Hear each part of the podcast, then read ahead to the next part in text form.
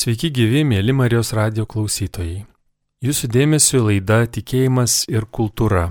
Ir šiandien laidoje kalbėsime apie vienolyjų, vienuolynų dailę ir Lietuvos vienuolynų dailės lobius.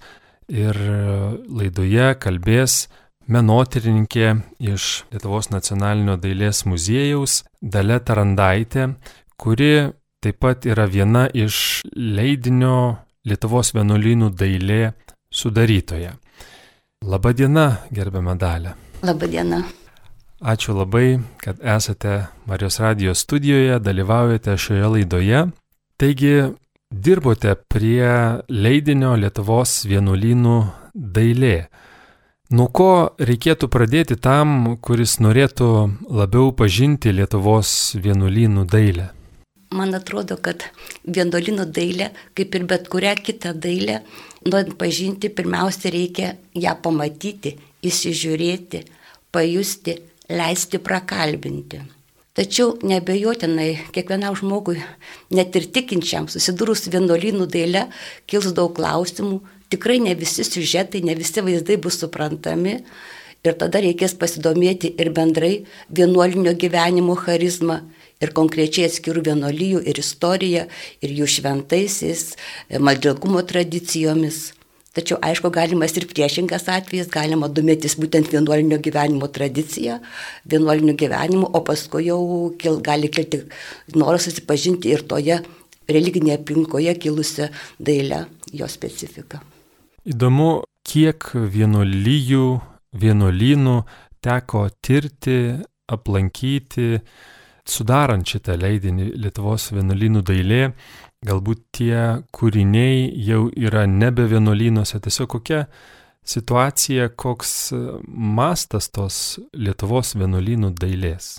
Kaip žmogui be abejo teko aplankyti daug Lietuvos vienolyjų, tačiau rengiant šį renginį daugiausia teko dirbti su Lietuvos dailės muziejaus fondais, kadangi pokario metais į juos pateko daug kūrinių įvairiais būdais iš Lietuvos vienolyjų. Ir tie kūriniai labai ilgą laiką, būtent sovietinės okupacijos metais, buvo kaip ir mažiau tyrinėti, nes tikrai buvo ir lygnės tyrinėjimas ir publikavimas nepageidautinas dalykas. Ir 1998 metais Lietuvos nacionalinė dailės muziejus įsijungė į Europos tarybos inicijuotą vienuolinų kelio programą. Ir tai buvo akstinas parodyti būtent tuos Lietuvos nacionalinėme dailės muziejuje sukauptus turtus. Ir tada tikrai teko susidurti su daugeliu kūrinių, kurių ir siužetai buvo neaiškus, ir, ir istorija neaiški, tai teko pasidomėti ir vienuolinų istoriją, ir pavardyti leidinius, ir senasias fotografijas, kad pavyktų atsekti, kuriems vienuolijams, kurie kūriniai atrodė. Ir aišku, nemažai teko padirbėti ties kūrinių siužetais, kurių tikrai kartais buvo labai nes, nelengva išsiaiškinti. O kas tai per programa? Vienuolynų kelio programa inicijuota Europos tarybos. Tai buvo kelių vienuolynų įtakos kelias, tokia programa, į kurią įsijungia Lietuva, kaip Lietuvos vienuolynų kelias vadinosi. Ir programa apimė ir daugiau renginių, buvo išleista tuo metu tos programos rėmusi ir vadovas po Lietuvos vienuolijos, vyko parodos, buvo ir nacionalinė Martino Maštų biblioteka surengė parodą, ir universiteto, būtent vienuolynų e, knygų buvo parodos ir toks buvo susitikimų ir susitikimų ir diskusijų programos, tokia plati programa vyko Lietuvoje. Taigi apie šį leidinį Lietuvos vienuolynų dailė, rengiant jį, kokie buvo jums asmeniškai gražiausi, įdomiausi atradimai? Be abejo, pats didžiausias atradimas tai buvo to lobino turtingumas. Iš tiesų, kiek daug, nors mūsų Lietuvos vienuolinų dailė labai nu, nukentėjo ir tikrai į muziejus pateko mažytė dalelė to turtingo ir labai įvairaus vienuolinų paveldų, tačiau ir tai, ką radome savo rinkiniuose, tikrai nustebino ir kokybė, ir įvairovė, ir e, būtent pats turtingumas šito paveldo nustebino, o atskirų kūrinių tikrai buvo daug, kurie tikrai sužavėjo ir, ir tikrai vertė atskirų tyrimų ir, ir buvo vėliau paskelbti net apie atskirus kūrinius publikacijos. O kokia būklė dailės kūrinių, ką galime pasakyti, kaip jie išsilaikė, kaip jie buvo saugoti ir kokie pasiekė mūsų laikus? Bendrai su religinė dailė patekusi į muziejų tikrai buvo būklė labai apgailėtina, nes bendrai žinome mūsų Lietuvos ir bažnyčių ir vienuolinių likimas, vienuolinų naikinimas prasidėjo gerokai anksčiau, jau 1831 metais buvo uždarinėjami pirmi vienuolinai, po pirmojo 31 e, metų sukilimų, po 63 metų vėl atsirado nauja vienuolinų uždarimo banga ir tie kūriniai tikrai buvo iš altorių ir išplėšti, kai kurie pateko į parapinės bažnyčias, kai kurie pateko į privačias rankas, kai kurie sunyko, O e, po antrojo pasaulinio karo vėlgi uždarinėjant bažnyčias, daugelis jų buvo sukrauti palėpės į krūvas, kai kas net būdavo sukrauti tokiuose koridoriuose, kiemuose, kur netgi ant jų ir lietus lydavo. Ir tikrai dauguma kūrinių buvo labai blogos būklės, kartais net buvo sunku įžiūrėti patį siužetą, kas ten vaizduojama, nes ir lakas sumatavęs, ir įplišimų daug. Ir rengiant šią parodą labai daug kūrinių buvo restauruota, kartais kurį kūrinį verta restauruoti beveik spėdavai pasižiūrėjęs, nes iš tiesų e, jau tik pagal, pagal kompoziciją, pagal kokią išlikusią detalę, kad gali būti nebloga tapyba, geras kūrinys, tačiau matosi labai nedaug ir tikrai kai kurie kūriniai tikrai to žodžio prasme atgimė antrajam gyvenimui ir būtent per šitą vienuolinam skirtą parodą buvo protyti pirmą kartą po restauravimo ir faktiškai pirmą kartą sugrįžo į mūsų kultūros istoriją. Kokie yra seniausiai, kalbant apie Lietuvos vienuolinų dailę, kokius amžius siekia kūriniai, kokie yra seniausi ir kas juos kūrė pagrindinai? Iš dabartinių išlikusių Lietuvos vienuolinų kūrinių, ko gero seniausi darbai yra išlikę Vilnius Bernardinų bažnyčioje. Tai yra ir tos garsiosios gotikinės freskos, datuojamo 16 amžiaus pirmą pusę. Taip pat čia yra išlikęs ir senasis gotikinis nukryžiuotasis, kuris dabar Florijono koplyčioje eksponuojamas. Taip pat yra išlikę pavienių kūrinių, sakysime, dabar mūsų Vilnius paveikslų galerijoje eksponuojamas prisikėlęs Kristus, taip pat gotikinis, kaip manoma, kažkurio metu buvęs Kretinkos Bernardinų bažnyčioje. Tai būtent gotikiniai kūriniai yra patys seniausi išlikę.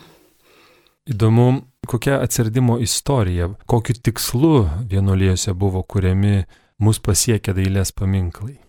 Vienuolinų dailė, kaip ir bendrai religinė dailė, buvo kuriama tokia pagrindinis tikslas, tai būtent yra Dievo garbiai, Dievo namų grožiui, be abejo, Evangelijos tiesų perteikimas vaizdais, arba kaip netgi taip suprasti, sako, Evangelija neraštingiesiems. Na, o vienuolinų dailė dar turėjo tokią papildomą paskirtį, tai buvo kaip ir vienuolijos dvasinės tradicijos, dvasinės tradicijos testinumo įvaizdinimas, tai juose buvo vaizduojama ir vienuolinų istorija, jų įsikūrimas, jų įkūrėjai, vienuolinų šventieji pagrindiniai kankiniai, kad vienuoliai gyventami toje aplinkoje prieš tai matytų kaip ir savo pirmtakus, savo dvasingumo pavyzdžius ir idealus galbūt išsiskiria konkrečios vienolyjos, nežinau, galbūt e, darbų kūrinių gausa, galbūt kažkokiais kitais aspektais iš kitų, jeigu žiūrėtume į vienolyjų aktyvumą ar, nežinau, produktivumą ir kuom išsiskiria ir kokios vienolyjos šiuo klausimu, šiuo aspektu.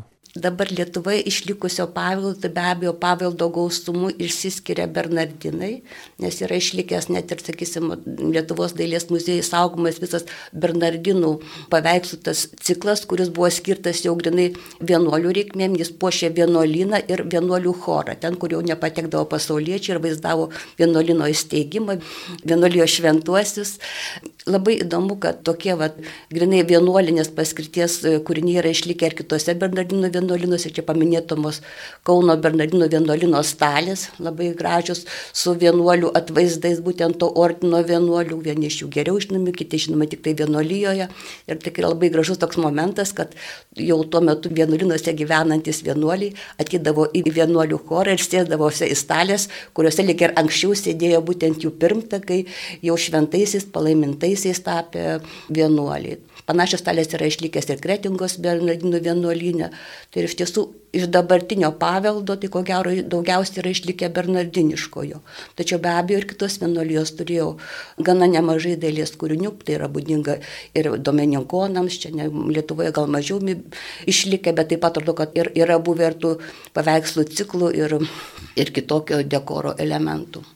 išsiskiria Bernardinai, bet minėjot, kad Lietuvos vienuolynų dailė yra nukentėjusi, daug netekčių. Ar galima kažkaip nusakyti, ar yra kažkokių šaltinių, iš kurių žinome, kas galbūt buvo konkrečiuose vienuolynuose, kūrinių, kurie garsėjo ir dabar neturime, ar tiesiog mes galime suprasti, kokio masto tos netektis ir kas žinome, kad buvo, bet mūsų nebepasiekė.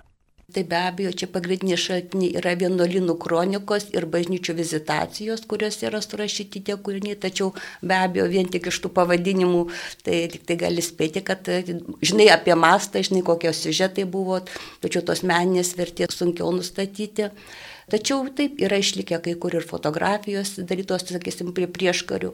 Dar vat, vienas dalykas, į ką noriu atkreipti dėmesį, iš tiesų iš tų, kas labiausiai nukentėjo vienuolių dailė, tai iš dalies labiausiai nukentėję yra jezuitiškas paveldas, nes yra išbarstytas, nes jezuitų vienuolinai buvo uždarinimi jau nuo 1703 metų ir jų paveldas yra, buvo išblaiškytas po kitas vienuolijas ir būtent pilnai atkurti jezuitiškas tas senas, kad ir pavyzdžiui Vilniaus jezuitų bažnyčias ir vienuolinų dekorą yra sudėtinga. Tik, tai, tik be abejo, lengviau yra, kur yra, kur, kur yra buvusi sienų tapyba, tai neatsidengia, altorinius kartais sudėtingiau yra atkurti. Apie autorius. Ar žinomi tie autoriai, ar išsiskiria kokie nors kuriejai, nežinau, gausumu, kokybę, kurie kūrė tuo met vienuolynams, ką galime pasakyti apie autorius? Vienuolinams kūrė ir pasaulietiniai dailininkai, tačiau buvo ir vienuolijų dailininkų.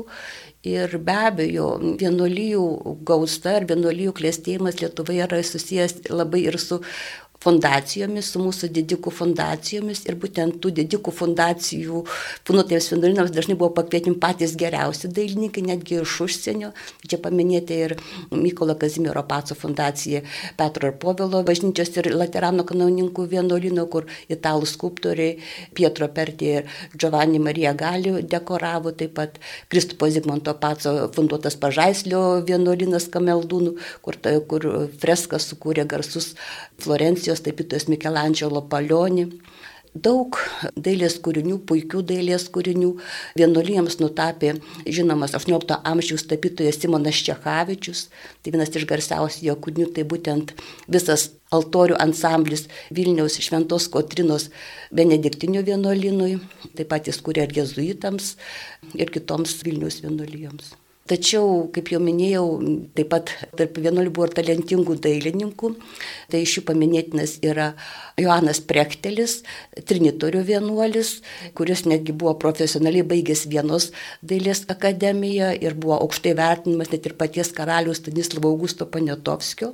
Ir jis tapė daug kūrinių būtent trinitorių bažnyčioms ir pora jo kūrinių yra buvęs ir Vilnius trinitorių bažnyčioje, tai yra visų šventųjų Mykolo atvaizdas taip pat keletas portretų vienuolių tapytų. Buvo vienuolių dailininkų ir kitose vienuolijose, taip pat Pranciškus Lekščinskis tarp Bernardinų, Kruševskis tarp Bazilionų ir, ir kitų vienuolių dailininkų gausa ir tiesiog tokiam vienuolijos dailės dirbtėm garsėjo jezuitai. Net yra išleistas jezuitų dailininkų žodynas, kuriame tikrai paminima labai daug jezuitų dailininkų ir tapytojų, ir skulptorių, ir stiko meistrų, ir medžio drožėjų. Tai tikrai turėjo labai stiprias dailės dirbtuvės. Jezuitai turėjo dailės dirbtuvės ir Vilniuje, jų dailės dirbtuvės veikė Vilniuje prie Naujo kino, prie Švento Ignoto bažnyčios išlikusių kūrinių galima spręsti, kad dailės dirbtuvės turėjo ir minėti Bernardinai. Nes kai kurie Vilnius Bernardinų paveikslo ciklai, kaip pavyzdžiui, penkių Polotsko kankinių ciklas, taip pat Kauno stalės, Kretingos stalės, tikrai turi daug stilistinio panašumo. Ir gali būti, kad irgi būtent yra Bernardinų vienuolių kažkur tų buvusių dirbtuvių kūriniai. Kalbant apie technikas, kokia technika atlikti vienuolynų dailės kūriniai, Ar galime kažkaip įvardinti dominuojančias technikas? Na, kažkaip technikom vienuolinų dailė nelabai išsiskiria nuo kitos religinės dailės, tai yra ir alėjinė tapyba ant medžių, ant drobės, yra freskos, tai yra skulptūros ir medinės skulptūros, drožyba, altoriai ir stiuko dirbiniai, tai yra nu, pačios įvairiausios technikos. Be abejo, vienuolinės dar buvo labai tokia propaguojamas būtent kaligrafija ir miniatūrų dekoravimas, tai būtent knygų apie pavydalinimas, rašto darbai, pačiom įvairiausiam technikom yra atlikti.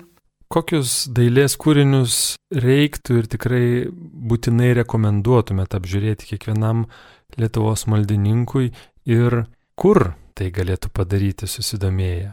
Čia klausimas sunkus, nes iš tiesų Lietuvos vienuolijų paveldas yra, taip kaip jau minėjau, labai išblaškytas. Mes neturime nei vieno pilnai išlikusio vienuolino ansamblių, kur ateini ir pamatai visą tai, kaip buvo sukurta, kokia tai buvo ikonografinė programa, kaip tie kūriniai buvo išdėstyta iš to, kas dabar atsikūrė ir manau, kad tikrai labai gražiai atsikūrė Vilnius Bernardinų vienuolinas ten tikrai yra labai, labai gražių dalykų. Tai pavyzdžiui, Vilnius Bernardinų skliautai yra patys gražiausi, galbūt nedaug ne tokio lygio krištolinių, tų kryžminių skliautų rasime kaip Vilnius Bernardinų vienuolinė, aišku, tos minėtos gotikinės freskos. Ir tikrai va ten verta užsukti ir dėl pačių pastatų grožio, tačiau be abejo tai buvo vienas iš tokių svarbių ir kultūros centrų Vilniuje. O šiaip vienuolinai globojo daug tokių stebuklingais laikomų malonimis pagarsėjusių paveikslų. Tai pavyzdžiui, net ir aušros vartų stebuklingoji buvo gailestingumo Dievo motina, taip pat buvo globojama vienuolių, vienuolių karmelitų. Ir tikrai, man atrodo, iki šių dienų yra vienas iš pačių svarbiausių Vilniaus e, tokių religinių objektų, į kuriuos tikrai verta užsukti kiekvienam piligrimui. Kitas malonėmis garsus ir vienuolynų globotas kūrinys tai yra Sapiegų Dievo motina. Šis kūrinys ilgą laiką yra buvęs Vilnius Bernardinių moterų vienuolynė Švento Mykolo bažnyčioje. Šiuo metu tą kūrinį galima pamatyti Vilniaus arkikatedroje, kuris taip pat yra maldininkų gausiai lankomas. Nesiniai restauruota buvo ir Lukiškių, taip vadinama Madona arba senoji ikona, kurios kultą propagavo ir kurią globojo Vilniaus dominikonai prie Švento Pilypo ir Jokūbo bažnyčios. Na ir be abejo, dar vienas toksai labai svarbus dvasinis centras yra Vilniaus kalvarijos. Tai būtent taip pat domininkonų globota, kadangi būtent kalvarijų ta tradicija tai kaip ir propagavo ir išplatino dvi vienolyjos, tai dominikonai ir pranciškonai. Ir būtent ta Vilniaus kalvarijos yra vienas iš tokių, vėlgi, labai stiprių Vilniaus dvasinių centrų, į kuriuo tikrai kiekvienam maldininkui verta užsukti ir pajusti jų dvasę. O Vilniaus kalvarijose kokius konkrečius darbus reiktų apžiūrėti ir atkreipti dėmesį ten nuvykus?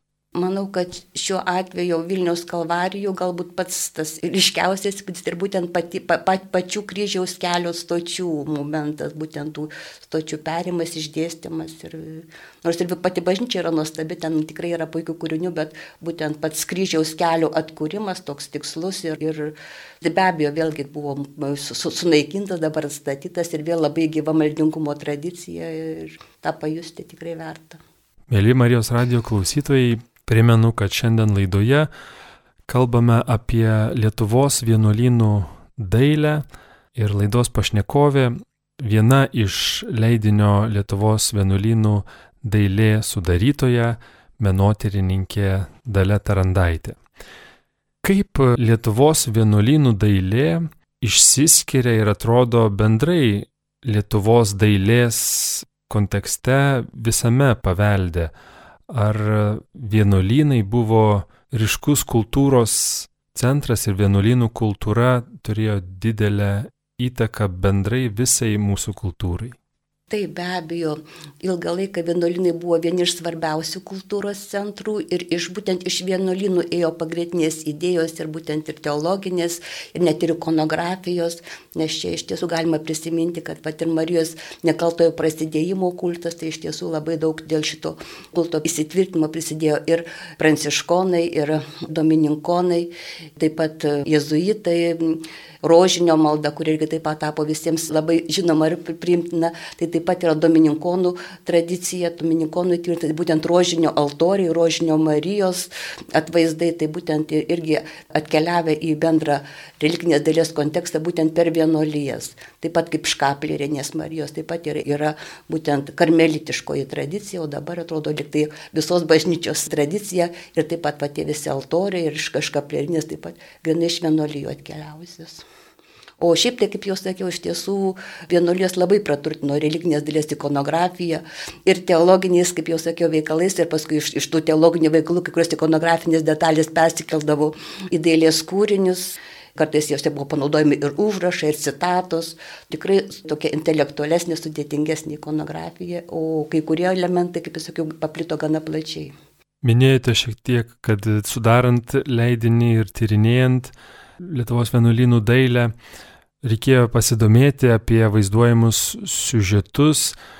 Šiuo metu atlikus tyrimus, ar visi simboliai, temos ir siužetai aiškus dailės kūriniuose, ar vis tik yra dar neįmintų mislių? Tai be abejo yra neįmintų, yra kai kas dar pasitikslina. Pavyzdžiui, Lietuvos nacionaliniam dailės muziejui dabar saugomas toksai labai gražus pranciškoniškas kūrinys, vaizduojantis septynis pranciškonų kankinius ir natūralu, kad pirmoji mintis, kad tai yra tie garsieji Vilniaus septyni pranciškonai kankiniai, kurie buvo nukankinti Algirdo valdymo laikais. Tačiau vat, menotyrininkė Rūta Janoninė, kuri labai detaliai tyrinėja pranciškonišką ikonografiją ir bernardiniško ikonografiją, nustatė, kad šiame kūrinyje vaizduojami būtent septyni kankiniai pranciškonai, tačiau ne tie, o Italijoje 13 amžiuje nukankinti kankiniai, tai Šventas Danielius ir jo broliai. Tai yra, kad kai kurie vienuoliškos ikonografijos kūriniai tikrai slepia daug, daug paslapčių ir kai ką tikrai reikia patikslinti, net ir dabar kai kurie, sakysim, tose jau minėtose stalėse, jeigu yra neišlikęs, sakysim, užrašas prie vienuolio, prie atvaizdo, kartais net labai sunku pasakyti, kuris, nes ypač tie plačiau nežinomi palaimintieji, šventieji neturi tokios labai ryškios nusistovėjusios ikonografijos, kuri leistų juos lengvai identifikuoti mūsų Lietuvos nacionalinio dailės muziejaus rinkinyje taip pat yra vienas toksai jezuitiškas kūrinys, vaizduojantis jezuitų kankinį kažkokioj egzotiškoje šalyje.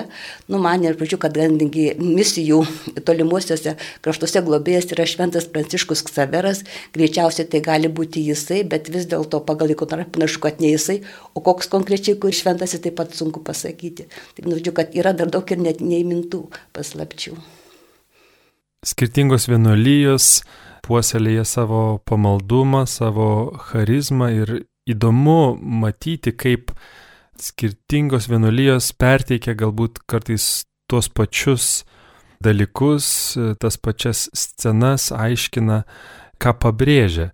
Ar jums tyrinėjant vienuolynų dailę teko su to susidurti ir galėtumėt pateikti kokį pavyzdį, kad pavyzdžiui, kaip skirtingos vienuolijos perteikia tos pačios Evangelijos temas ar siužetus, kaip skirtingai pabrėžia galbūt tą patį dalyką. Ar tai kažkaip atsispindi dailėje, ar tyrinėjant su tuo susidūrėt?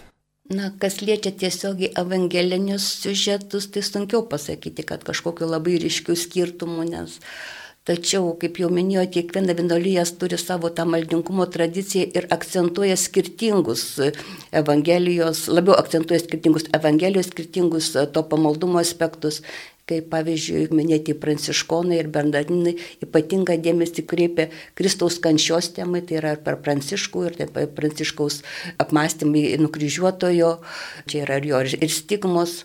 Kai kurios kontemplatyvisios vienuolijos labiau kreipia dėmesį tam vidiniam gyvenimui, tai sakysim ir tų labai išraiškingas buvęs yra Vilniaus benediktinių šventos Kotrinos bažnyčios dekoras, kuriame buvo akcentuojama būtent tų mistinių sužadėtuvių tema, tai būtent vienuolės kaip ir tas mistinis susižadėjimas su Kristumi. Karmelitiškoje tradicijoje labai svarbus yra tų dvasinių ekstazių, to vidinio Dievo patyrimų akcentavimas. Ir kai kurios vienuolijos be abejo remiasi savo teologais, kurių, sakysim, ir giesmės, ir poezija, ir teoriniai veikalai daro įtaką ir jų dailės kūriniams, kuriuose atsiranda tokie motyvai, simboliai ir ne tik iš šventrašto, bet būtent iš teologų veikalų. Dar būtų įdomu paklausti tokio klausimo. Jūs tyrinėjate Lietuvos vienuolyjų dailę ir tas leidinys išleistas taip vadinasi. Ar galime dėti lygybę ženklą vienuolynų, vienuolyjų dailė ir bažnytinis menas? Ar vis tik kažkas nepatektų po to vienuolyjų dailės sparnu? Ar buvo ir kitokių kelių bažnytiniam menui, nežinau, parapijos, kurios nepriklauso vienuolyjoms, Tai be abejo, vienuolinių dailė neištėmė viso religinio meno, nes egzistuoja ir parapinių bažnyčių dailė, kuri taip pat yra reikšminga, tačiau be abejo, parapinių bažnyčių dailė daugiau orientuojasi į tą tokį pasauliečių, tai būtent tie pagrindiniai siužetai e, - Marija, Kristus, Šventoji Trejybė, pagrindiniai šventieji, tai sakysim labai dažnas šventas tai yra šventas Antanas, kiti masėse populiarų šventieji. Tačiau, kaip minėjau, kai kurie siužetai į parapinės bažnyčias taip pat iš vienuolinių vienuolijų, nes vienuolijos prie savęs globodavo ir tas brolyjas, tai sakysim, buvo ir Šventojo Rožinio brolyje, ir iš Kapleriaus brolyjos, ir kitos brolyjos, Šventos Onos brolyjos, kurios pasklisdavo toliau, ne tik prie tų vienų, bet pasklisdavo žymiai plačiau. Ir tos netgi tos brolyjos turėdavo savo altorius ir parapinėse bažnyčiose, ir vėlgi ta vienuolijų ikonografija perėdavo ir į pasaulietinę dailę. Kaip jau sakiau, kad vienuolynų dailė neištėmė visos religinės dalies, greta to egzistavo ir tada parapinių bažnyčių dailė. Neišsėmė, bet palyginus, kokią dalį apima vienuolyjų dailė? Vienuolijų dailė neišsėmė visos religinės dailės, tačiau tikrai sudaro didelę ir reikšmingą jos dalį. Ir bent jau Lietuvoje tai, kas yra išlikę, patys tokie įdomiausi, vertingiausi kūriniai vis tik yra susijęs su vienuolynais. Ir paminėjote reikšmingus ir, ir vertingus kūrinius laidoje. Galbūt dar galėtume laidos pabaigoje ir akcentuoti tos pačius svarbiausius, populiariausius bažnytinės dailės kūrinius, kurie yra susijęs su vienuolynų daile. Vėlgi visus piligrimus pasiščiau aplankyti aušros vartų mergelės Marijos. Verta ateiti į katedrą, kuris pamatysite Švento Mykolo bažnyčioje buvusią malonimės garsę sapiegų Madoną. Beje, toje pačioje katedroje šonėje koplyčioje kabo Trinitojų vienuolyną puošęs nukryžiuotas, jis taip pat maldininkų labai gerbtas ir mylėtas. Jokūbo ir Piliupo bažnyčioje verta aplankyti tą garsėją seniausią ikoną, Lukiškių Madoną. Koncentracija Vilniuje, o kaip kitur Lietuvoje? Oi. Be abejo, aš čia susikoncentravau Vilnius, rengdami parodą mes rėmėmės savo, kaip jau sakiau, dailės muziejus rinkiniu ir į jį pateko Vilniaus vienuolynų dailė. Tačiau be abejo, vertingų kūrinių yra ir kitose Lietuvos vienuolynuose, tai aišku, Pažaislio vienuolyną, kur tikrai kiekvienam verta aplankyti. Gamaldulių tai yra su, su, su Mikelandžio palodžiu palionio freskomis. Labai puikus yra ir Kretingos vienuolynas, Tyto vienų vienuolynas, tai tikrai yra daug puikių vienuolynų su išlikusiam barokiniam freskom, tikrai yra daug verto pamatyti ir aplankyti. Na ir laidos pradžioje paminėjot, kad norint pirmiausia susipažinti su Lietuvos vienuolynų daile, pirmiausia reikia pamatyti tuos darbus, tuos meno kūrinius. Tačiau žmonėms, kurie galbūt neturi įgudusios akies ir gilaus išmanimo apie dailę, kaip patartumėt pradėti, kaip um, pamatyti, išvelgti tą grožį ir prasme, ir gilį, ir vertę dailės kūriniuose.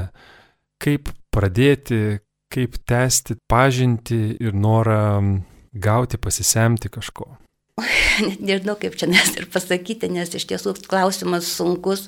Be abejo, man atrodo, kad vienintelis ir pagrindinis dalykas būti atviram, žiūrėti į tą kūrinį, bandyti užmėgsti su juo santyki ryšį. O paskui be abejo, kai klis klausimai, galima klausti daugiau išmanančio, galima skaityti, domėtis, toliau gilintis. Bet be abejo, pirmiausia, reikia pamatyti, pajusti ir jau tada, kai yra ryšys, tada jau visa kita atsiveria. Tam reikia laiko, sakot, žiūrėti. Galbūt žmonės per trumpai ateina, pamato, bet ne, neskiria laiko pabūti prie to paveikslo, ar tai padėtų. Manau, kad taip, bet kam reikia nurimti, sustoti, nereikia bėgti, va pamačiau nulėkiau, tai be abejo reikia sustoti, įsižiūrėti. Taigi, mėly Marijos radio klausytojai, tikriausiai tiktų ir linkėti to pažinti visų pirma Lietuvos vienuolynų dailę, apie ką ir kalbėjom šioje laidoje, galbūt pasidomėti tuo leidiniu Lietuvos vienuolynų dailė, kurio viena iš sudarytojų yra šios laidos pašnekovė, menotyrininkė Dalė Tarandaitė. Tikimės, kad šis pokalbis paskatins domėtis, pažinti ir vertinti tai, ką turime, tai, kas buvo sukurta Lietuvos vienuolynuose. Dėkojame Lietuvos nacionalinio dailės muziejaus dailėtyrininkiai Daliai Tarandaitei. Ačiū, kad klausėtės. Laidą šiandien vedžiau aš, Rimas Macevičius. Likite ir toliau su Marijos radiju. Sudie. Dėkui.